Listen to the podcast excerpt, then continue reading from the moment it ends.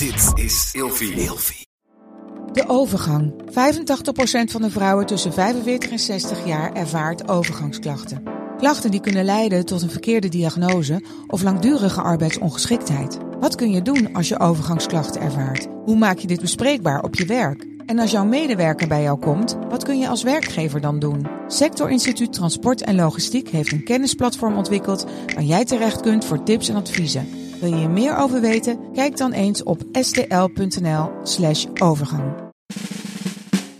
Wat leuk dat je luistert naar de podcast Seks, Relaties en Liefdes. De plek waar ik in gesprek ga met mijn gasten over alle onderwerpen waar eigenlijk veel te weinig over gesproken wordt. Dus luister, geniet en laat je vooral inspireren. Ja, welkom bij een nieuwe aflevering van Seks, Relaties en Liefdes. Met als gast vandaag Kirsten Dingemans. Welkom. Hi, goedemorgen. Ja, hey Kirsten, wij kennen Ja. elkaar al heel erg lang. We hebben elkaar ook al jaren niet gezien of gesproken. Dan heb ik het dus echt al ongeveer over 20 jaar. Ehm, jij vroeg aan mij of wij alsjeblieft een podcast konden opnemen over zwangerschap en seksualiteit. Waarom? Ja, waarom? Nou, dat is een hele goede vraag. Ehm, waar ik als verloskundige tegenaan loop. Ik zal eventjes bij het begin beginnen. Ik ben geboren getogen Schiedamse. En ik heb mijn praktijk Aleida hier in Schiedam. Ik ben al ehm, geruime tijd verloskundige. En waar ik tegenaan loop is eh, dat er over seksualiteit in de zwangerschap... eh, dat er veel schaamte is, maar ook na de bevalling zie ik dat de vragen, als ze gesteld worden, met schaamte gevraagd worden. En ja, dat dat eh, eigenlijk nog een beetje een gesloten boek is. Ja, want inderdaad, jij bent verloskundige. Eh, daarnaast ben je ook anticonceptieconsulente, preconceptieconsulente.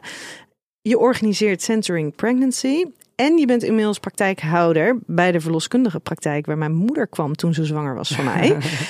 maar dan ben ik benieuwd, want als je het, je, je bent dus een heleboel, je doet een heleboel, je bent niet gewoon alleen maar eh, verloskundige. Kan je niet sowieso bij een verloskundige terecht voor informatie over anti- en preconceptie? Ja, nou niet alle verloskundige praktijken doen dat. Wij hebben ons daar wel in gespecialiseerd. En eh, ja, dat komt ook uit de drive dat er heel weinig eh, informatie te verkrijgen is bij mens, eh, voor mensen. En ja, wij vinden dat dermate belangrijk. Hè, want een gezonde zwangerschap begint al voor de conceptie. Dus die consulten die doen wij ook. Voor mensen die zwanger willen worden. Ja, hoe kan je nou zo gezond mogelijk zwanger worden? En eh, als zij zwanger zijn, ja, dan begeleiden we ze daarin. En dan komt heel vaak ook wel seksualiteit naar voren. Maar altijd met een, ja, met een angstblik. Laat ik het zo zeggen. Ja. Ja. Hey, en dat Centering Pregnancy, dat is eh, nou ja, de titel van, van wat jullie organiseren als praktijk. Wat jij hebt georganiseerd eh, in, in, in, met hulp van samenwerking van de gemeente. Wat, wat houdt dat in? Kan je daar eens wat over Ja, zeggen? centering pregnancy, dan ga je met een kleine groep vrouwen die ongeveer even ver zwanger is als jij, ga je in acht bijeenkomsten van twee uur ga je de zwangerschap door en krijgen vrouwen dus 17 uur min- meer informatie over allerlei onderwerpen. Dus over de zwangerschap, de klachten, bewegen, anticonceptie, borst- of flesvoeding, het moederschap, het kraambed en wat daarna. En, en eh, we doen dit nu drie jaar en we zien dus dat die groepen eh, een, een, een, ja, een, een bonding krijgen met elkaar. Dus ze gaan eens samen wandelen, ze gaan eens samen zwemmen. Onlangs had ik een dame die had het heel moeilijk op haar werk. Zat er een dame in de groep die is jurist. Nou, die kon ik met elkaar in contact brengen. En ja, dat is zo mooi om te zien dat vrouwen elkaar versterken daardoor. Ja, maar dit, dit zou toch voor elke zwangere vrouw zou dit beschikbaar moeten zijn, zoiets? Klopt. En eh, ja, het is niet, niet alle praktijken doen het. Maar bij ons kunnen we vrouwen kiezen. Of de centering pregnancy. Of één op één consulten. Maar goed, dan hebben wij een kwartier voor een patiënt. Ja. Of een cliënt, sorry. En in die groepen krijgen ze niet alleen de expertise van nou ja, deskundigen, maar krijgen ze dus ook nog eens de ervaringen van elkaar mee. Juist. En er zitten ook moeders die al kinderen hebben. Dus die kunnen natuurlijk hun vragen beantwoorden. Plus, we werken ook samen met de gezondheidsvoorlichters van de gemeente Schiedam. En zij doen een stukje over veiligheid vertellen. Huiselijk geweld komt aan orde. Maar ook de eh, verpleegkundige van het consultatiebureau, die sluit ook aan. Want hè, als ons werk erop zit, gaan zij dat overnemen. Ja, en het mooiste zou zijn dat ze eh, centering parenting over gaan nemen op het consultatiebureau. Maar zover ja, wil ik wel zijn, maar zijn we nog niet. Nee, dat is iets te vooruitstrevend wellicht Ja. nog. Maar maken die andere rollen die jij dus ook op je neemt, hè, en het begeleiden van deze, eh, deze zwangere vrouwen en eh jouw rol als anticonceptie- en preconceptieconsulente, ehm, maken die rollen ook dat jij een, nou ja, ik wou zeggen betere, maar misschien een veelzijdigere verloskundige bent dan misschien verloskundigen die niet al die andere rollen op zich nemen? Ja, ja, misschien klinkt dat een beetje arrogant, maar ik denk het wel. Ja, ik denk wel. Kijk, eh, vrouw zijn. Ik ben ook moeder van dochters. Ehm, vrouwen in de puberteit begint het al. En ehm, ja, dat is een heel palet. Een vrouw is een heel palet aan kleuren. En wordt zij, mag zij moeder worden in haar leven, dan komen daar ook zoveel facetten bij kijken. Dus ehm, ja, ik denk wel dat ik dat mag zeggen. Ja. Ja. Nee, maar dat is toch helemaal niet los van arrogantie. Of dat wel of niet arrogant klinkt. Eh, Op het moment dat je al die ervaring hebt, al die inzichten hebt, als je die veelzijdigheid aan zorg en hulp kan bieden aan iemand. ehm, ja, ik denk dat dat eigenlijk iets zou zijn wat wellicht wel elke verloskundige dan zou moeten doen. Ja, en gelukkig hè, zijn er echt veel verloskundige praktijken die dat doen. Maar, maar je moet er ook de tijd voor hebben. En ja, misschien is het ook wel een soort drive van mij dat ik dit wens voor elke vrouw die moeder wordt. Dus niet alleen hoogopgeleide vrouwen, maar alle vrouwen. Ja, ja, en dat is inderdaad, zeker hier in Schiedam hebben we natuurlijk een, eh, nou ja, we hebben veel armoede hier. We hebben dus veel ehm, zwangere vrouwen die niet de financiële middelen hebben, dan wel niet de kennis hebben over wat er allemaal voor hulp en zorg beschikbaar is. Dan is dit wel heel erg fijn dat je dit kan aanbieden. En het mooie is, wij, ehm, toen we hiervoor elkaar even spraken, toen ehm, eh, kwam ook al naar voren dat ik heb dit onderwerp seksualiteit en, en zwangerschap heb ik ook besproken met Janiva, de verlosmoeder. Voor degene die dat niet heeft eh, gehoord, dat is aflevering nummer 144. En zij heeft stage gelopen Ja, klopt. Bij, eh, ja. bij jullie. Ja. En wat ik dan zo mooi vind, een van de dingen waar zij ook heel erg voor staat, is dat ze vindt dat iedere zwangere recht heeft op zorg. En in principe op de goede zorg. En dat er gewoon echt heel veel mensen zijn die niet weten dat bepaalde zorg beschikbaar is. Die niet weten dat ze naar bepaalde dingen op zoek mogen gaan of moeten gaan. En wat, wat jij, wat jullie vanuit de praktijk doen, is ook weer juist ook heel erg inzetten op degene voor wie die zorg niet als vanzelfsprekend is. En daar zorgen dat die zorg wel mogelijk is. Ja, nou ja, dat klopt. Dat klopt. Wij hebben, als het goed is, ooit wel eens geteld 131 nationaliteiten. We hebben mensen van uit allerlei sociale lagen. Hè? En ja, ik vind dat eh, een mama die in de bijstand zit, vier kindjes heeft en geen partner meer heeft, evenveel rechten heeft om te we- weten waar we haar mee kunnen helpen. En eh, ja, daar strijden we echt voor bij Aleida. En gelukkig weten heel veel mensen ons ook te vinden. Maar ik denk dat, daarom hè, zit ik ook hier om toch ja, het onderwerp te eh, verspreiden. En weten dat vrouwen, dat ze bij ons eh, zich hè, aan kunnen melden, maar altijd aan mogen kloppen. Vandaar ook het moedercafé. Dat is voor iedereen, elke eerste vrijdag van de maand. Hè, kom langs, spreek met elkaar. Wie kan wie helpen? Hoe kunnen we netwerken maken? En ook ik leer hier elke keer weer van. En dat is zo mooi om te Ja? zien. Ja, dat is echt prachtig. Ja, want het is inderdaad, dit onderwerp moet bespreekbaar gemaakt worden. En het gekke is natuurlijk dat een zwangerschap begint voor de meeste mensen met seks. Meestal wel. Ja. Meestal wel, ja. Ehm, en vervolgens wordt hier eigenlijk nauwelijks meer aandacht aan gegeven. Nee. En in de afgelopen maand heb ik eh, met Lelo, een prachtig merk dat zich telkens meer wil inzetten voor het seksueel welzijn van mensen, op verschillende momenten eh, hier gesprekken al over gevoerd. Juist omdat seksualiteit en zwangerschap, als er gesprekken over gevoerd worden, dan ehm, is het of met ongemak of het gaat heel erg over, oh, als je al die hormonen gierend door je lijf hebt, dan wil je alleen maar seks. Of juist het andere uiterste, dat je het helemaal niet wil. Dus weet je, we hebben geprobeerd om daar een beetje de misopvattingen ehm, te bespreken en, en een genuanceerder gesprek te voeren. Nou ja, zoals net al zei, heb ik natuurlijk met Geneve heb ik het erover Ja. gehad. Ja. En ik denk dat dit gesprek gewoon veel vaker gevoerd moet worden op verschillende plekken. Zodat ook, want ik kan hier bijvoorbeeld wel ehm, zes keer in mijn podcast het onderwerp gaan bespreken. Maar dan krijgen waarschijnlijk elke keer dezelfde mensen het te horen.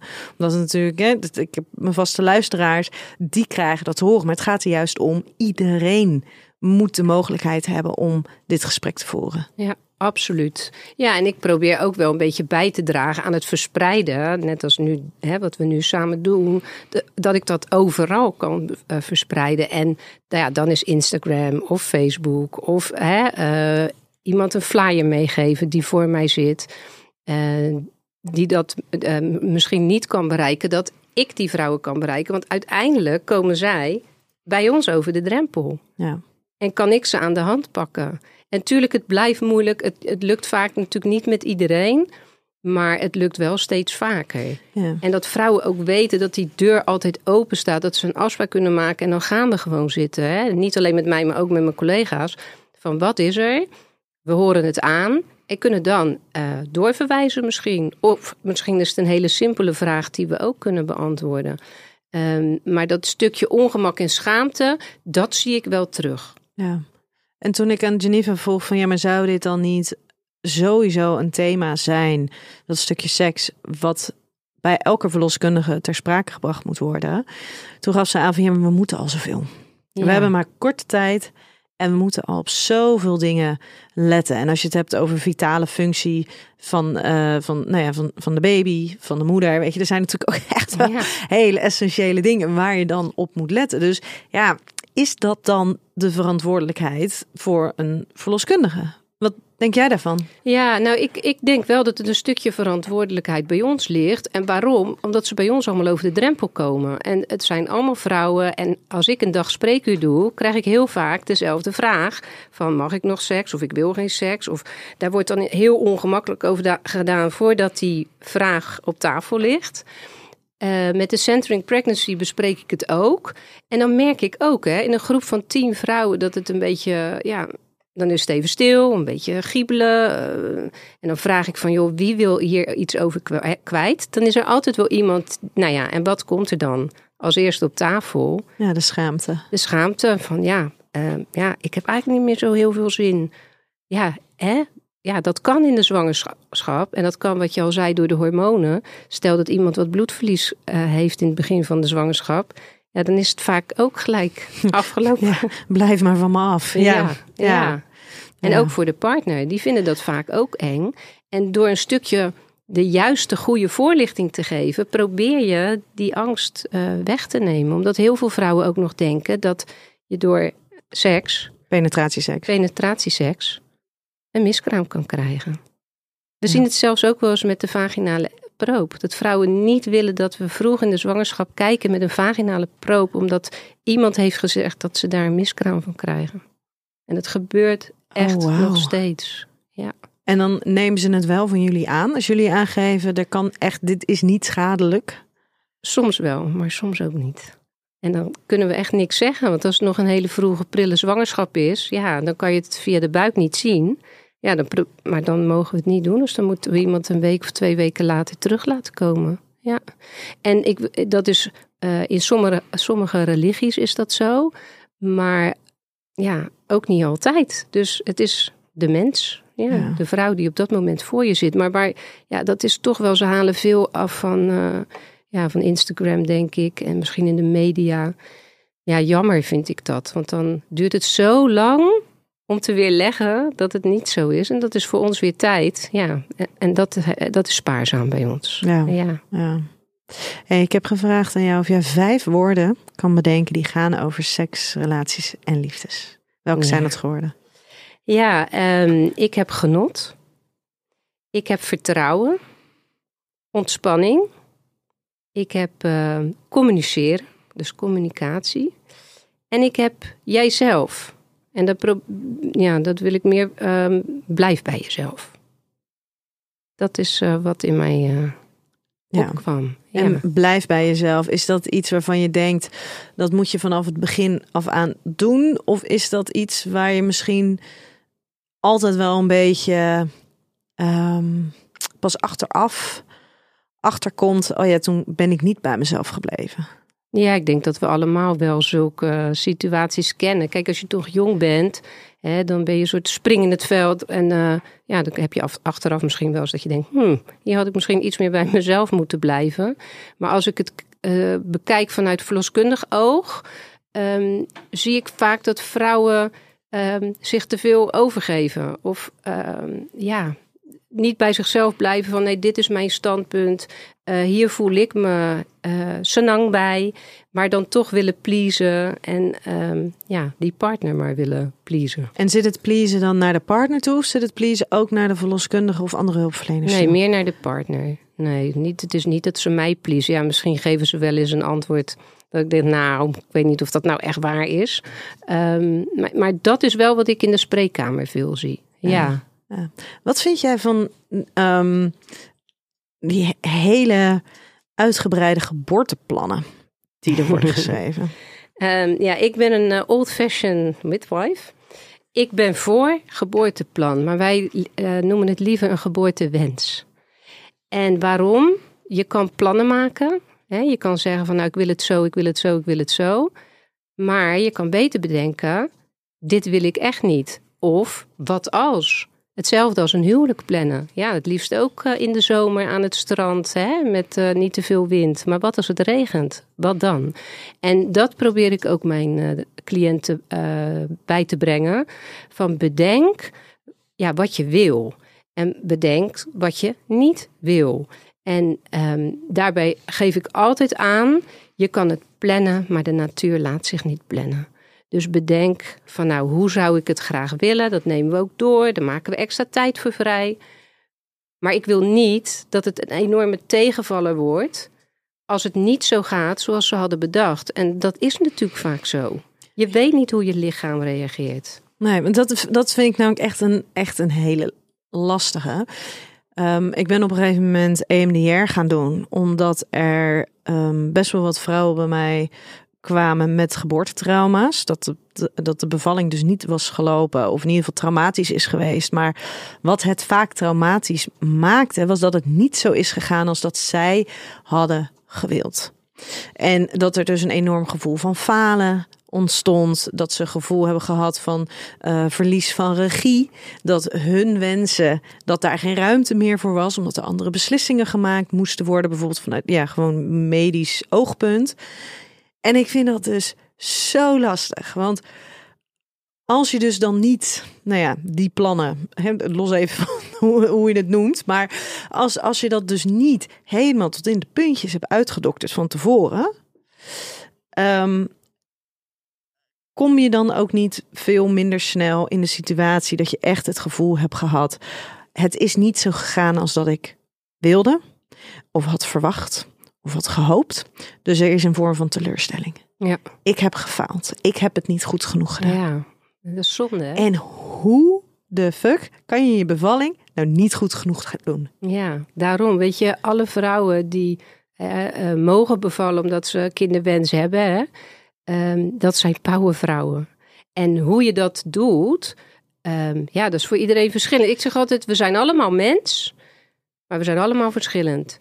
Al die bevallingen zijn hetzelfde, maar ze zijn allemaal anders. Dus vandaar dat ik wel altijd zeg, lees het door. Hè, sommige mensen willen het ook niet maken. Nou, ook prima. Maar dan zeg ik toch, lees het door. Denk daar eens over na. Een klein voorbeeld. Uh, wil ik een knip? Of wil ik geen knip? Ja, soms moet het. Leg uit als verloskundige waarom? wanneer en waarom. En dan, uh, vrouwen willen heel graag de regie, de regie houden. Alleen, ja, moeder natuur bepaalt. Dus die, ja, je kan links, je kan rechts, maar het gaat dan toch zoals het gaat. Ik moet wel zeggen dat nu in de ziekenhuizen uh, gynaecologen, artsassistenten, klinisch verloskundigen, stel dat de bevalling medisch wordt, ook wel rekening houden met de uh, geboorteplannen. Alleen ja, soms is er een calamiteit of gaat het niet zoals we willen. Of gaat die bevalling heel goed, maar moet het kindje opgenomen worden. Kan ook een trauma veroorzaken. En dat zijn ook alle uh, aspecten die we bespreken in de Centering Pregnancy. Want uh, er is één bijeenkomst, die duurt drie uur. En die doe ik samen met de partners en de dames. En dan laat ik de partners ook eens opschrijven van... hoe denk jij dat jij jouw partner kan helpen? Ja. En wat is belangrijk? En praat daarover samen. Niet net voor die bevalling. Nee, nu al, in de zwangerschap. Ja. Ik maar dan dat- zeg je dus eigenlijk waar, waar het tenminste, hè, en zeg maar als, je- alsjeblieft als het niet zo is, maar eigenlijk zeg je, weet wat de mogelijkheden zijn, weet wat de opties zijn. Ja. Weet dat je opties hebt. Dat je niet altijd in de luxe positie bent om te kiezen. Maar dat je daar wel, ehm, nee, dat je gewoon weet wat er allemaal mogelijk is. En misschien dat gevoel van regie, als je dus een plan hebt en daar kan geen gehoor aan gegeven worden, dan is er vaak een volledig verlies van, van, van controle. In ieder geval het ervaren gevoel. Terwijl als je weet van oké, maar dit scenario, eh, daar hebben we nu even mee te maken. Maar dan weet ik, dit zijn nog steeds mijn mogelijkheden. En dat je in ieder geval weet wat je eigen mogelijkheden zijn. En vervolgens op die manier, dus als het ware, de regie kan bewaren. Ja, nee, dat, dat, zo is het. Ja, en ik denk ook een stukje eh, zich gehoord voelen. Vrouwen eh, die een traumatische partners hebben gehad, voelen zich niet gehoord. Of zij hebben zichzelf niet goed ingelezen, of wij hebben geen goede informatie gegeven. Dat kan ook, hè? Dus het is niet altijd de vrouw. Wat ik al zei, wij leren ook elke keer van elke situatie. Alleen na 26 jaar ja, heb ik de meeste situaties denk ik wel gezien en meegemaakt. Dus probeer ik dat ook aan die vrouwen te vertellen. Maar ik ga ook niet alle calamiteiten vertellen. Dat doe je ook niet. Maar ja, eh, eh, sommige vrouwen lezen zich niet in. Gaan geheel onvoorbereid in zo'n bevalling. Ja, dat denk ik niet dat dat meewerkt aan een goed gevoel. Nou. En misschien is het ook wel een stukje, en ik vind dat ik dat dan wel kan zeggen omdat ik al wat ouder ben, is dat de, de, eh, ja, de jeugd of de, de, de vruchtbare vrouwen van nu, ja, ze zien natuurlijk heel veel in de media. En alles, hè, dan zie je een, een vrouw bevallen en, en de volgende dag dan staat ze al eh, oefeningen te doen, helemaal in een strak pakje met make-up op. Ja, zo werkt het niet. En het is helemaal niet goed voor je lijf ook. Nee, maar, maar geef daar ook aan toe. Ik denk dat dat ook heel belangrijk is. Ja. Het mag. Het, dat, dat mag, dat hoort erbij. En wij Ja. zijn altijd een luisterend oor. Altijd. Dus als jij van die vijf woorden het hebt over jezelf, blijf bij jezelf. Ehm, gaat dat dus inderdaad over lees, weet wat je mogelijkheden zijn, voel wat jij wil, maar maakt, hou ook niet vast aan een te beperkt, te restrict kader van dit is hoe het moet gaan. Ja, dat denk ik wel. Hè? Dus ja, kijk ook naar je horizon. Kijk om je heen. En ja, dat is ook altijd iets wat me opvalt. Mensen gaan altijd hun ellende vertellen en opschrijven. Ja, waarom vertel je niet van mijn bevalling was echt heel mooi en was gegaan zoals ik het graag had gewild? En dat is ook wat ik iedereen wens. Jouw wens, droombevalling, gun ik elke vrouw op aarde. Alleen moeder natuur niet. Nee. Ja, en dan ja, ben ik misschien door, door mijn werk, maar ook omdat ik wat ouder ben en genoeg heb meegemaakt, meer met mijn beide voeten op de, hè, nuchter. Gewoon met mijn blote voeten in de aarde. En ehm, ja, soms overkomen je dingen ook. En kan je niet alles plannen. Dat gaat niet altijd. Nee, nee. hey, ik heb ehm, vijf kutkeuzes voor jou. Lekker random ineens nu, maar vijf kutkeuzes. Je moet kiezen. Mm. Intimiteit of seksualiteit? Seksualiteit. Nooit meer seks of nooit meer een relatie? Nooit meer een relatie. Strikte monogamie of een relatie met meer vrijheden? Ja, strikt, nu strikte monogamie. In deze fase van je, Je leven. leven, ja. ja. Eh, verleiden met woorden of verleiden met bewegen? Verleiden met bewegen. Fantaseren of erotische verhalen lezen? Fantaseren. Hoe vaak deel jij, ehm, ik vind het namelijk altijd heel interessant over hoe hulpverleners daarmee omgaan. Hoe vaak deel jij eh, stukjes van jezelf naar cliënten toe? Ja, ik denk dat ik best wel open ben. Ja, ik, ehm, ik vind dat een, dat is een hele goede vraag, Nienke. Want wat mij wel eens opvalt, is als mensen nou iets gaan vertellen hè, tegen iemand, dan gaat die iemand, oh ja, maar mijn zus, of snap je ik bedoel? Dus t- dan wordt het altijd betrokken op henzelf. En ik probeer dat niet te doen, dus ik laat mensen praten. Maar goed, ik heb ook eh, een dochter die te vroeg en te klein in het Sophia Kinderziekenhuis Ja, heeft eh, geboren, dus dat weet hè. Dus als dat bij mensen gebeurt, wil ik dat niet zozeer opdringen, maar ik kan wel zeggen: hey, ik voel je. Ik, ik, ik voel wat jij voelt. En dan zeg ik natuurlijk wel van, nou, die is ook te vroeg geboren. Oh, en hoe is dat dan gegaan? En nou ja, dan als ze dat willen weten, vertel ik dat ook wel. Dus ik denk wel dat ik daar open in ben. Maar ik denk ook wel dat, hè, dat is mijn gevoel, hè? dus ik, eh, niemand pin me er niet op vast. Maar als je zelf iets laat zien, komen mensen ook meer naar je toe. Weet je, ik reik mijn handen uit en die mag je ook pakken. En dan gaan we gewoon samen kijken naar een goede oplossing. Dus ik denk ook wel dat het goed is om een stukje van jezelf te tonen. Ja, en onlangs ben ik oma geworden. Ja, dat mag ook heel de wereld weten. En dan kan je daar ook wat over vertellen. En daar leer ik ook weer van, want het verandert. Ja, ja. Ik heb uh, vijf stellingen voor jou. De eerste stelling. Schaamte rondom seks blijft bestaan zolang verloskundigen het niet als vanzelfsprekend bespreekbaar maken. Ja, ik vind dat wel een moeilijke, want eh, om het nu allemaal op het bordje van de verloskundige te gooien. Ik denk dat we dat met z'n allen, dus uh, bij huisartsen, bij verloskundigen, uh, ja, misschien een stukje op het consultatiebureau, dat je dat mensen wel mee kan geven. Maar ik vind het wel, ik vind het wel een van mijn taken. En misschien heb ik die taak mezelf toegeëigend, dat kan ook. Maar ik vind het wel heel belangrijk. En om daar ook gewoon open en eerlijk over te zijn. En ik ben ook zo vrij dat als ik het niet weet, dat ik dan kan doorverwijzen hè, naar een uh, seksuoloog of naar de huisarts of uh, pijn met vrije na de bevalling naar misschien de gynaecoloog. Uh, we weten ook steeds meer. We hebben bekkenbodemfysiotherapeuten. Er zijn gynaecologen die speciaal helemaal um, alles weten over de bekkenbodem. Of als een vrouw toch iets meer uitscheurt dan gewenst. Dus er, zijn, er is wel zorg op maat. Alleen, ja, dat moeten we wel met z'n allen weten. En dat is vaak nog wel moeilijk, dat we dat niet allemaal weten. En bijvoorbeeld in Frankrijk weet ik dat je in het nazorgtraject zit standaard een traject bij de bekfysio. Waarom hebben wij dat in Nederland niet? Ja, ik denk dat dat een geldkwestie is. Nou moet ik wel zeggen dat wij veel vrouwen verwijzen in de zwangerschap al omdat we ook samenwerken met een bekkenfysiotherapeute, met uh, Pelvicum Winnie Hartman.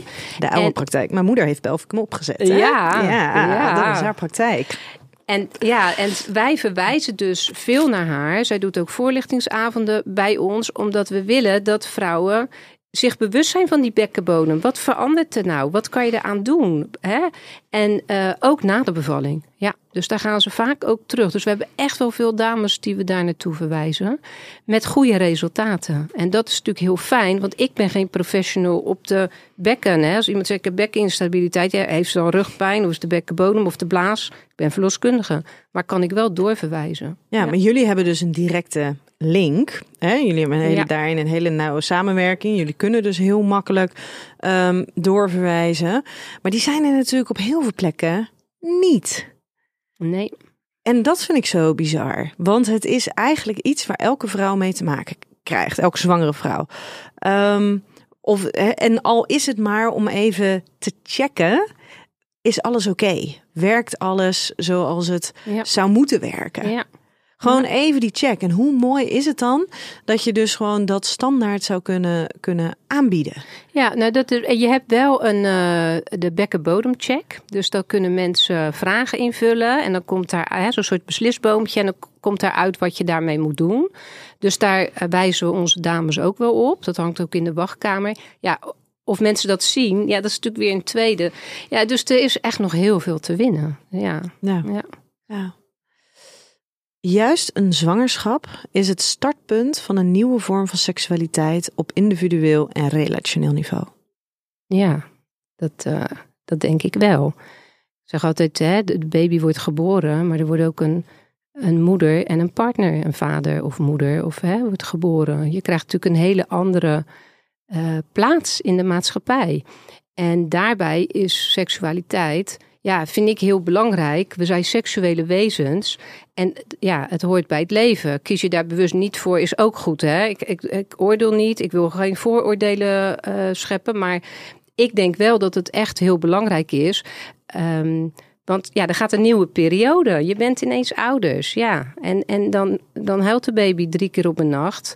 Terwijl je dacht van nou, we laten het eens gezellig hebben. Maar, en dat merk ik altijd in de praktijk ook wel. Dat is altijd wel uh, heel grappig. Dan zeg ik altijd van ja, over anticonceptie. Dat bespreken we in de zwangerschap. Dat bespreken we in het kraambed. En dan uh, zeggen ze allemaal, nou ja, bijna allemaal.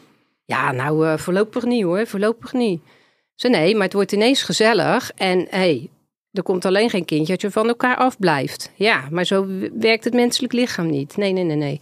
Dus daar moet natuurlijk ook over nagedacht worden. En zeker zo na je zwangerschap ben je extra vruchtbaar. Ja. Dus is het risico extra groot. groot. Ja, en ook met borstvoeding. En we zien het nog en we vertellen het. En ja, of vrouwen het dan niet opslaan of ik, ik weet niet wat dat is maar dan toch zwanger tijdens de borstvoeding. Ja, of ze wanen zich een soort van onsterfelijk. Ja, mij gebeurt het vast niet. niet. Nee, of hè, ik ben lang bezig geweest. Dat zal allemaal wel niet zo vaart lopen. En dat gebeurt dus toch. Ja, dus anticonceptie is ook echt wel een van onze speerpunten. En daar hebben we ook een anticonceptiecentrum. Ja. En hier in Schiedam werken we samen met Nu Niet Zwanger. Uh, ik weet niet of je daar bekend mee bent. Ja. Um, dus dat is heel fijn. Ja.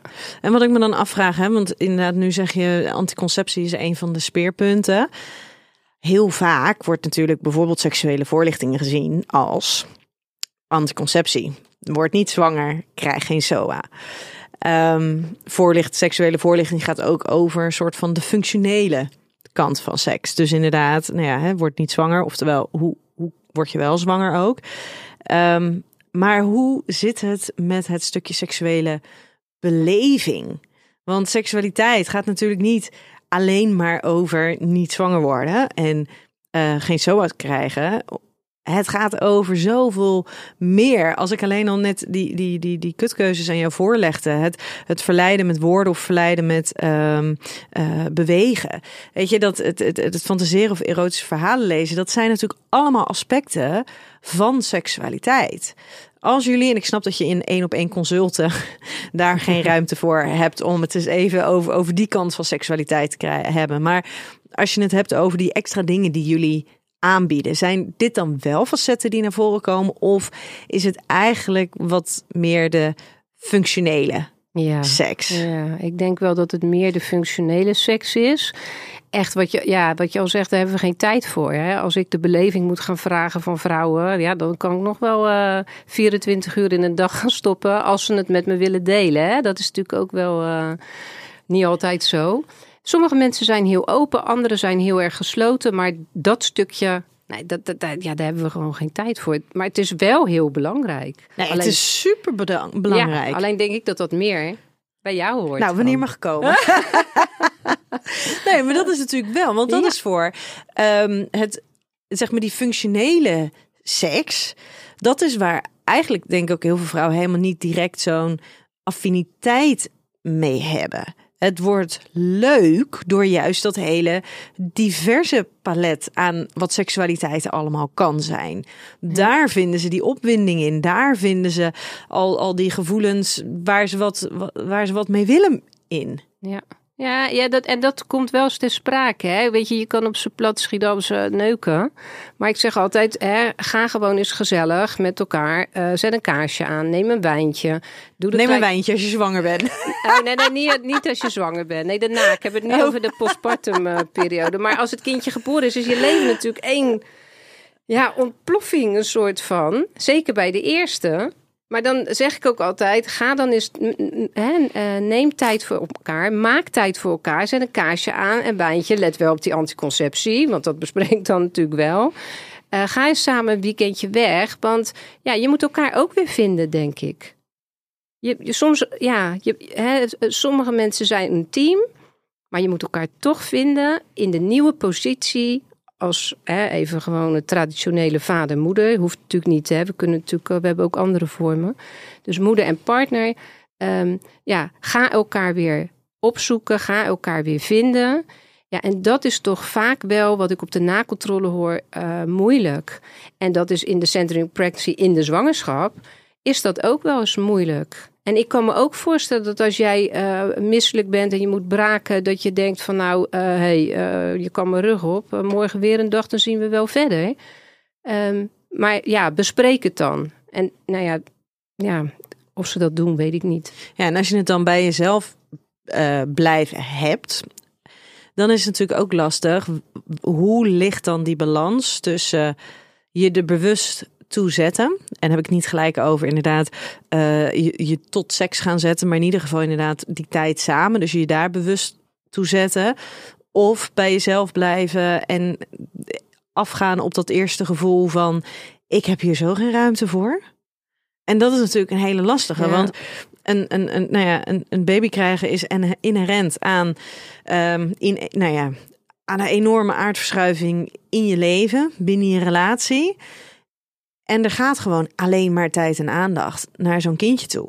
Tijd en aandacht die je dus niet aan jezelf kan besteden, niet aan je partner kan besteden, aan je, aan je eigen leven kan besteden. Dus dat, dat is als vanzelfsprekend dat die tijd en aandacht daar naartoe gaan. En je bent moe en het is nieuw en het is spannend. En zeker als je dan ook nog eens misschien lichamelijk ongemakkelijk hebt. Of je, je kindje die, die, die, die heeft wat opstartproblemen. Weet je, er, er kunnen zoveel dingen zijn waardoor jij vanuit jezelf geen behoefte hebt aan die tijd samen. Dus waar ligt dan die grens of balans in het wel je er bewust toe zetten of kunnen zeggen nee, nu even niet. Ja, dat is een hele goede vraag. Ja, ik, ik, ik denk dat je bij jezelf moet blijven. Ehm, kijk, als jij echt gewoon kots en kotsmisselijk bent, ja, dan snap ik ook dat je daar geen zin in hebt. Maar ja, je kan ook elkaars hand vasthouden of je kan ook steun bij elkaar zoeken. Aan de andere kant denk ik ook wel eens, ehm, ja, misschien is dat ook niet echt eh, heel aardig om te zeggen, maar misschien is het ook wel eens een soort van excuus van, nou, zo even niet. Ik eh, ben nu even gewoon bij mezelf en eh, de groeten. Ja, in een relatie is het geven en nemen, denk ik. En daar kom je alleen maar uit door daarover te praten. Ja, maar dan als ik dan even ehm, eh, bedenk, mijn zus die is tot echt tot 24 weken echt kotsmisselijk geweest. Daar kwam geen boel of bal meer uit. Ik denk ja, geven of nemen. ik weet niet of het überhaupt een, een keuze is die je dan kan maken. Nee, maar dan heb je denk ik ook wel echt over extreme eh, misselijkheid bij zwangerschap. Hè. We hebben natuurlijk hyperemus gravidarum. Ja, dan ben je echt, dat is gewoon echt een ziekte. Dus Dan mag je het als excuus ja, gebruiken. dan, nou ja, dan ben je ziek. Toch? Ja, als je ziek bent, ben je ziek. Dat vind ik wel, ja.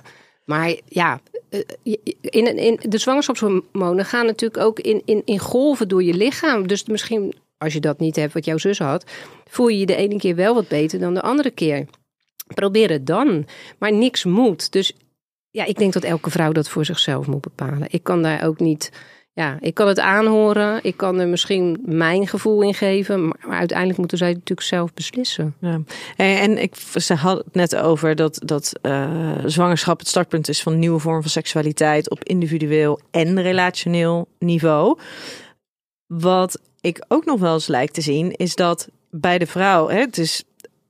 ehm, daar, daar verandert van alles. Hè? Überhaupt al het, zwanger worden, het lijf, het, het kind wat daar ehm, groeit en uiteindelijk geboren wordt. Dus daar is heel zichtbaar dat er van alles verandert. Voor heel veel partners is het wel heel zichtbaar wat er bij de ander gebeurt. Kunnen ze dat wel bedenken. Maar voor zichzelf ehm, verandert het tegelijkertijd ook niet zoveel. Tenzij ze dus inderdaad heel erg bewust zijn van, oh ja, maar dit heeft betekenis voor ons en wij gaan ons op een andere manier tot elkaar verhouden. Maar er zijn een heleboel mensen die dat niet zo bedenken. Die Nee. gewoon denken, ja, maar nu het kind is nu geboren. Ehm, nou, nu kunnen we weer gewoon terug naar de manier waarop we samen waren. Ja. Dezelfde manier waarop we seks hadden. Zelfde frequentie, zelfde intensiteit. En dan ontstaat er ook vaak een scheefgroei en een van, van de, de, de, de zwangere vrouw, of tenminste ja, van, van de vrouw. Van ja, maar er, er wordt wat van mij verwacht. Eh, ik voel me daar verantwoordelijk voor, want het was voorheen was het ook zo, dus nu moet het ook zo. Maar ik kan dat eigenlijk helemaal niet waarmaken of ik heb behoefte aan andere dingen. En die vind ik ook wel heel lastig. En daarin hadden wij het hiervoor natuurlijk ook al eventjes over. Van ja, maar je kan dus die vrouwen wel van alles gaan meegeven aan, aan input. Maar op het moment dat de partner niet eenzelfde bewuste ehm, nou blik heeft op... hey, wat gebeurt er met die seksualiteit? Of hoe verhouden wij ons tot elkaar?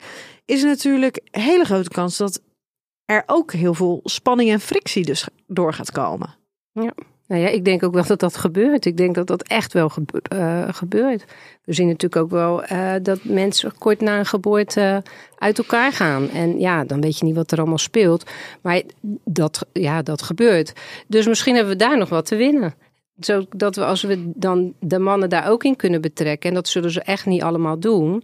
Maar ik denk dat daar wel uh, nog een, ja, iets open ligt in de toekomst, dat we die mannen daar ook een beetje bij kunnen betrekken. Maar dan moeten ze het ook wel willen. En ik denk dat er ook zat mannen zijn die zeggen van joh, uh, het is mooi zo. Mooi zo, dat hoeft voor mij allemaal niet. Nou, nu hebben we in ieder geval twee punten waarvoor we agendapunten kunnen gaan maken. Dus heel goed. Nou, zeker. Heel goed. De volgende stelling. Onzekerheid over je veranderende lichaam is een reden tot terughoudendheid in de seks. Ja, nou ja, dat, uh, daar, daar ben ik het wel mee eens. Um, ik denk dat dat verschilt. Sommige vrouwen en mannen vinden het prachtig wat er gebeurt. En andere vrouwen die vinden het vreselijk. Die weegschaal is natuurlijk altijd ook een, uh, een ding in die zwangerschap. Dus um, ik, ik vraag altijd, wil je wegen? Nou, een, hoop willen wel wegen en sommigen niet. Prima, dan, uh, dan doen we dat zo. Um, ja, als je denk ik ook wel uitlegt wat er gebeurt en waarom het gebeurt. Hè, vrouwen hebben zoiets van, oh, ik ben ineens uh, zoveel kilo aangekomen. Maar weet hè, dat jouw lichaam uh, vet en vocht vasthoudt straks voor jouw kindje. En dat dat er allemaal bij hoort. Um, ja, mannen hoor ik daar eigenlijk niet zoveel over. Kijk, echt een heel betrokken man. Dat, hè, dat je ziet dat een echtpaar echt een team is. Die zegt, ik vind mijn vrouw echt op haar mooist nu. Ze gloeit en ze sprankelt. Maar dat hoor je bijna nooit. Maar er is er wel eens een enkeling die dat helemaal geweldig vindt. Um, maar nee, mannen hoor je. En ik, weet je, mannen komen ook niet altijd mee op controle, hè? Het is natuurlijk eigenlijk ook wel, dan is er een zus of een moeder of een oma bij. Ja? Ja, er komen wel mannen mee. Maar eigenlijk niet heel vaak. Ja, bij de belangrijke momenten, bijvoorbeeld de 13 weken echo of de 20 weken echo, dan zijn ze er wel bij. En daarom is het zo leuk, die centering met de mannen, want dan heb ik ze allemaal. En dan krijg je daar een beetje een beeld van. Ja. Waar ze eigenlijk bij thuiskomen. En waar ze over nadenken bij hun vrouw die straks gaat bevallen. Maar ik heb hier nu ook weer wat geleerd. Het stukje seksualiteit ga ik wel meenemen in die bijeenkomst. Want het is gewoon belangrijk. En we kunnen er allemaal lacherig over doen. Maar ja, anders hadden wij hier ook niet gezeten, toch? Ja. Nee. En ik, en, en ik heb het hier over dus onzekerheid over je veranderende um, lichaam. Datgene waar, mij, waar mijn man en ik elkaar heel erg in konden vinden, was mijn Um, nou, ik vond het echt verschrikkelijk dat mijn lijf veranderde. En, ik, en, en mijn man die vond het ook verschrikkelijk. Maar wij konden elkaar daar dan weer op een hele liefdevolle en leuke, grappige manier in, in vinden. Dus dat was ook prima, dat mocht ook gezegd worden. Maar ik vind het wel verdrietig dat dat. Ja, ik kon gewoon niks met mijn lijf wat veranderen. Ik vond dat, ja, de, de, maar het maakte me niet onzeker. En ik vind het toch wel verdrietig dat, dat um, zwangere vrouwen er onzeker van worden. Over wat er met hun lijf gebeurt tijdens zo'n zwangerschap. En als je het dan hebt over, en dat vind ik wel een onderwerp wat heel eigenlijk nog veel meer aandacht moet krijgen, heel specifiek, is het stukje onzekerheid over de vulva, over de vagina na de bevalling. En hoe dat eruit ziet. Ja. Wat daar, wat daar, want zoveel vrouwen, zeker op het moment dat er een knip is gezet, dat er sprake is van uitscheuring, um, zoveel vrouwen worstelen met, oh, en wat betekent dit dan? Ja. Kan ik dan nog wel uh, seks hebben? Kan ik dan nog wel orgasmes krijgen? Uh, wat, wat houdt dit in? Ja. Ja, dat, dat zie ik ook in de praktijk. En ik zie natuurlijk heel vaak dat vrouwen niet eens weten hoe hun eigen vagina eruit ziet. Dat ik huh, denk. Um, wat we altijd zeggen wel, ook weer met die centering, is uh, ga het perineum, ga het eens aanraken, ga het eens masseren. Voel eens hoe het nu voelt. Als jouw kindje al wat groter is, hè, dus vanaf een maand of acht, negen, ga gewoon eens, daarvoor mag natuurlijk ook, mag altijd. Maar vooral dan, omdat je dan die bekkenbodem natuurlijk ook al wat kan oprekken. Um, je hebt bijvoorbeeld een apparaatje om het een beetje op te rekken. Dus dat wordt allemaal besproken dat dat er is. Kijk ernaar En sommige vrouwen die komen ineens helemaal schrikkend de, de, de, spreekkamer in van... oh, keer, het is helemaal opgeblazen en ik ben net een, uh, een aap daar beneden met allemaal paars. En uh, ja, dat, is natuurlijk, dat kunnen natuurlijk uh, spataderen zijn. Daar kan je allemaal wat aan doen. Maar ik begrijp die angst wel. Want als jij een goed seksleven hebt en je denkt dadelijk komt mijn kindje... en dat is één grote ruïne daar beneden. Ik snap dat wel. Ik snap dat persoonlijk ook. Alleen denk ik als je goede verzorging doet voor en na. En weet hoe het voelt, weet hoe het eruit ziet. En als het niet zo gaat, de heling zoals je zou willen, dat wij daarbij kunnen helpen. Of de bekkenfysiotherapeuten. Dus dat ze er niet alleen in staan, maar dat ze wel zich bewust zijn van die onderkant. Ja, en wat er allemaal gebeurt. Ja. En dat als, als je, uh, dat is ook zoiets, bijvoorbeeld, ja, dus met aanbijen. Dat dat heel normaal is. Niet iedereen hoeft het te hebben, maar het is heel normaal als het wel gebeurt. Bij mij is het nooit besproken. En ik heb er ook nooit naar hoeven vragen, maar het is nooit besproken. Dat ik wel ergens op een gegeven moment dacht van, hé, hey, maar um, zou dit dan wel besproken zijn geweest als ik bijvoorbeeld bij mijn nakontrole als ze het gezien zouden hebben? Zou het dan wel bespreekbaar gemaakt zijn? Of is dit dus ook weer zoiets wat niet besproken wordt als je er zelf niet naar vraagt? Ja. Nou ja, dat denk ik wel. Ik ga niet uh, zeggen wat je allemaal kan krijgen. Hè. Er zijn natuurlijk heel veel zwangerschapsklachten. En sommige vrouwen zijn heel vrij. En die zeggen, joh, er hangt daar iets. Ik weet niet wat er aan de hand is. Zeg, nou meid, laat eens kijken. En dan kunnen we het daarover hebben. Ook weer in die centering komt dat allemaal aan bod. En daar wordt natuurlijk soms ook lacherig over gedaan. Maar de twee uh, keer de, de, de, daarop, dan komen ze van, nou, je had gelijk, uh, ik weet nu wat ik eraan moet doen. Maar dat is door de druk, dat is de fysiologie. Dat, dat ja, is eigenlijk een heel normale zwangerschapskwaal. Mm -hmm. En zo zijn er nog wel meer. Um, maar dat bewust worden, ja, uh, kijk naar je eigen lijf. Dat is, ja, dat is zo belangrijk. Ook je borsten. Ja, uh, ik vond het fantastisch. Ik had ineens uh, een hele mooie volle cup. Ik vond het geweldig. Andere vrouwen die hebben zoiets van: oh, wat gebeurt er? En het doet pijn. En ja, lees je in, vraag het. Je, ja, we zijn er voor je. Ja, en heb ik er nog eentje, want ja. ik denk ook ineens aan. Ook zoiets wat dus eigenlijk niet gezegd, eigenlijk, tenminste in ieder geval in mijn ervaring niet besproken is. Um, is het verlies van ontlasting bij de bevalling. Ja, ja. Wij staan te juichen hoor, als we het zien. Want dan gebeurt er wat. Ja. Dat, is, dat is goed. Ja. Dan zit er genoeg persweeën en Juist. genoeg druk om te ja. gaan bevallen. En als wij ontlasting zien, dan weten we die baby gaat komen. Dus dat is eigenlijk gewoon een heel goed teken. Maar dat is ook inderdaad uh, heel, heel hele grote schaamte. Ik dacht echt, ik dacht, oh jee, uh, wat, wat gebeurt hier? En toen dacht ik, oh wat erg. En dus daarom denk ik nu, en denk, jeetje, maar hoe erg is dat dan dat je daar op dat moment dus mee bezig bent? Ja. Terwijl je daar helemaal niet mee nee, bezig moet zijn. Nee. En als er dan iemand, zoals wat jij nu zegt, van, oh ja, maar als dat is voor ons een teken, ja, uh, super fijn, super goed, want er komt de baby eraan. En je zegt het met de grote ogen en de glimlach als dat je nu zegt. dan ja. denk ik dat er bij een heleboel vrouwen, dat die dus zouden denken, oh, wat fijn, wat goed, hoef ik me geen zorgen over te maken. Nee, absoluut. Ja, nee, maar dat wordt ook wel besproken, maar ook niet altijd. Nee, absoluut niet. En dat zijn inderdaad wel, wat jij nu allemaal noemt, zijn wel allemaal weetjes voor ons nu. Ja, dat neem ik mee. Eigenlijk hoort dit gewoon ook standaard als mensen geen centering volgen, gewoon in de spreekkamer benoemd te worden. Ja, van oké, okay, je gaat straks bevallen. Ja. Wat verwacht je ervan? Wat denk ja. je ervan? Ja. Hoe makkelijk is het dan even om te zeggen: Oh ja, dit is iets wat we heel vaak tegenkomen dat hoort. Dat is oké. Okay. Dat is. Ja. Maak je er geen zorgen om. Maar ik denk ook voor ons als verloskundige is het natuurlijk zo gewoon dat ik er niet eens over nadenk dat jij dat niet wist. Nee. Snap je wat ik bedoel? Nee. Ja. Ja, nee, dat ik, ja, voor mij is dat zo gewoon. Maar ja, nu blijkt dus dat dat helemaal niet gewoon is. Ja. Uh, nee. nee.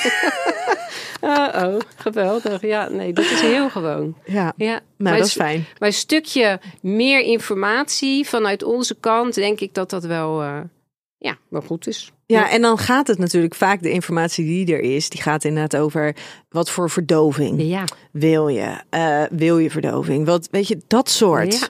dingen. Ja. Maar dit is inderdaad echt ja, hè, heel belangrijk om te gaan benoemen. Uh, ja, je eigen lijf, je eigen vagina, je eigen billen. Ja, wat gebeurt ermee? Ja, ja. dat is echt wel uh, eye-opener. Hey, de volgende stelling. Het het is belangrijk eerst je eigen individuele seksualiteit weer wat te onderzoeken. Voordat je dit met je partner aangaat. Ehm, nou ja, ik denk dat dat sowieso al- altijd wel goed is om eerst jezelf eens even goed. eh, maar ja, dan komen we ook een beetje terug op dat voor, volgende. Kijk, je eigen seksualiteit. Wat vind je op dat moment fijn? Wat vind je niet fijn? Wat ik vaak terughoor in de spreekkamer is eh, na zes weken, dan vraag ik: heb je gemeenschap gehad? Nou, hè, we hebben mensen gemeenschap, ja. En dan zei ik, hoe was dat voor je? Hoe voelde dat? Hoe ging dat? En dan willen ze dat echt wel vertellen. En wat ik dan eh, vaker hoor, is dat het een beetje eng was. En dat het wel een beetje pijn deed. En dat ze niet zo goed durfden. En als je dan vraagt, nou ja, waarom durfde je niet? Ja, dan ben ik toch bang dat er iets kapot gaat. Maar er gaat niet zomaar iets kapot. Hè? De natuur is natuurlijk ook eh, wel weer mild in dat opzicht. En ehm, dan bied ik ook altijd aan van, wil je dat ik eens kijk? Wat vrouwen ook vaak zeggen is, nee, jij moet eerst kijken of alles goed is. En dan weet ik dat als ik wil, dat het dan weer mag. En ehm, ja, dus eigenlijk ehm, is het een soort samenspel met de vrouw van... ehm, ja, het, kan, het, het mag weer, maar het mag daarvoor natuurlijk ook. Kijk, in de boeken staat allemaal, zolang je bloedverlies hebt in verband met infectie, doe het maar niet. Maar goed, de ene vrouw vloeit een week en de andere die vloeit zes weken. Daar zit natuurlijk verschil tussen. Maar ik denk dat ja, als jij daar aan toe bent, eh, ga eens na wat jezelf. En misschien zou dat wel heel prettig zijn. Ga eerst eens bij jezelf kijken van, nou, hoe voelt dat? Hè? Ja. Hoe voelt dat als ik eh, zelf mijn vinger in mijn vagina doe? Hoe voelt dat? Of Vind gewoon überhaupt al eens voelen. Ook al is het oppervlakkig. Gewoon eens voelen. Hé, Ja. hoe voelt het eigenlijk? Ja, ja, ik denk dat is wel heel belangrijk. En dat is natuurlijk ook gewoon in je eigen com- comfortzone. En dat hoeft ook verder, dat hoef je niet gelijk uit te spreken naar je partner. Dat is ook iets voor, voor jezelf weer. Dus ik denk dat dat wel goed is. Ja. En wat ik dan zo bijzonder vind, is dat eigenlijk. Eh, want inderdaad, eh, wat, wat Geneva ook zei, van ja, er wordt dan eigenlijk vanuit medisch advies gezegd van hé, hey, na zes weken zou het weer mogen.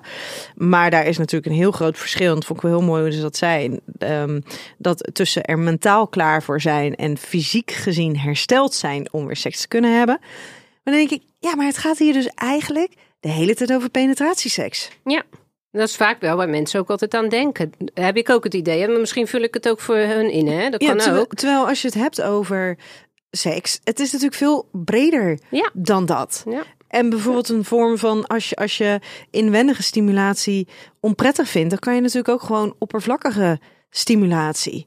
En dat is iets wat, wat misschien waar je al veel eerder aan toe bent, Ja. of waar je veel minder die geremdheid bij ervaart. Ja, ja, maar dat is ook altijd wel wat ik ze meegeven. Hè? Wat ik net al zei, je hoeft niet eh, pen- te penetreren. Er zijn natuurlijk eh, zat andere vormen van eh, seks en intimiteit.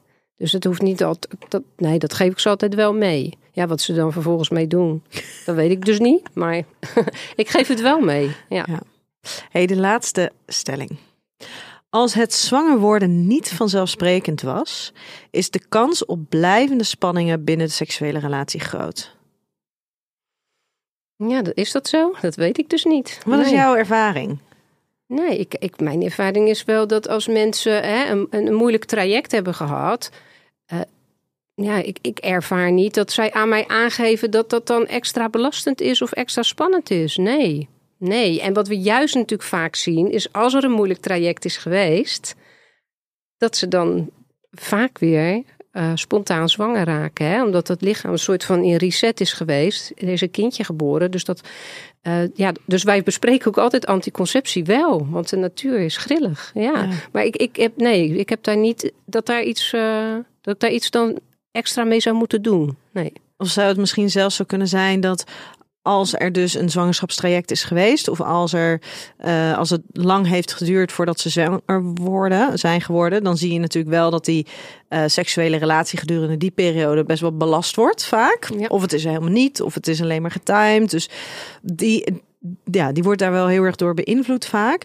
Dat op het moment dat dan het, nou ja, de zwangerschap voorbij is, dat het kindje er is, dat er een soort van zo'n ontlading is van, oh ja, we kunnen dat weer allemaal loslaten. We mogen weer. We Ja. hoeven geen rekening te houden. We hebben geen doel meer. Het mag er gewoon weer zijn. Ja, ik, ik, dat denk ik meer. De, de, de, de casus, of tenminste de, de, de, eh, de voorbeelden die ik weet, Ja. ja. was dat wat jij zegt. Hè? Dat was weer gewoon, we gaan nu leven en we hebben een prachtig mooi kind en we gaan wel zien hè, waar het, eh, ja, hoe de toekomst eh, eruit ziet voor ons. Ja. Ja. Ja. Dus het is helemaal niet een, een, een vast gegeven. Nee, van oh, als het nu niet lekker gaat, dan is dit iets wat we, wat we met ons mee zullen blijven dragen. Nee, nou ja, het zal altijd. Kijk, je, het blijft bij je, denk ik. Het zit altijd in je hart. Zo'n traject vergeet je nooit. Ik heb het zelf gehad met de eerste. Heb ik ook in zo'n traject gezeten. En dat vergeet je nooit. En misschien ook door mijn werk, dat ik het natuurlijk ook bij andere mensen zie. Ehm, ja, dat is heftig. En dat, dat ja, heeft ook wel eh, eh, betrekking op je relatie en op je seksualiteit. Maar uiteindelijk is het denk ik ook wat voor persoon je bent en wat je er dan zelf mee doet. Heeft, heeft jouw werk ermee kunnen helpen bij jou dat je het ermee om bent gegaan zoals dat je ermee om bent gegaan? Ja, omdat ik natuurlijk genoeg zie. Dus ja, ik denk dat het gaat toch zoals het gaat. En ik kan hoog of laag springen. Ik kan alleen maar gezond leven, mijn best doen. En meer dan dat kan ik niet doen. En mijn tweede kindje was platboom. En toen was ik al twintig weken zwanger toen ik erachter kwam. Ja, wat dat Ja. betreft had jij wel bijzondere, dat weet ik ook nog wel, dat Ja. dat wel bijzondere eh, Ja. verhalen waren. Ja. Ja. dat zijn zeker bijzondere verhalen. Dus dat kan ik wel weer meenemen door de ervaring die ik zelf daarmee heb gehad. En eh, dus dan, ja, dan heb je ook meer raakvlakken met mensen die dat ook meemaken. Maar ja, ja ik, eh, het was niet allemaal heel normaal. Nee. nou ja, ik weet het dus nog. En dan hebben we het inderdaad wel over twintig jaar geleden. Dus, Ja. eh, ja. Hey Kirsten, wij gaan hem zo ehm, afronden. Is er nog iets waarvan jij zegt, nou dat zou ik echt nog wel heel graag willen meegeven? Of denk je dat we al van alles hebben afgevinkt? Ja, ik denk dat we wel echt wel alles hebben afgevinkt. En eh, ja, wat ik meegeef, ja, weet je, praat erover. Kijk naar jezelf. Niks is gek, niks is raar. Eh, jonge vrouwen, oude vrouwen, ja, weet je, we zijn allemaal vrouw. En, en ik probeer dat stukje schaamte, hè, wil ik gewoon weg. Het is eigenlijk net als eten en drinken. Het is een levensbehoefte, het hoort erbij. Dus ja, doe het gewoon. Heel goed. Hey, ehm, dankjewel. Ik hoop dat wij eh, nog wat leuke dingen kunnen gaan opzetten, om heel eerlijk te zijn. Ook. als dat zo is, dan eh, komen we daar misschien later nog wel een keertje op terug. Dus dankjewel. En lieve luisteraar, tot volgende keer bij een nieuwe aflevering van Seks, Relaties en Liefdes.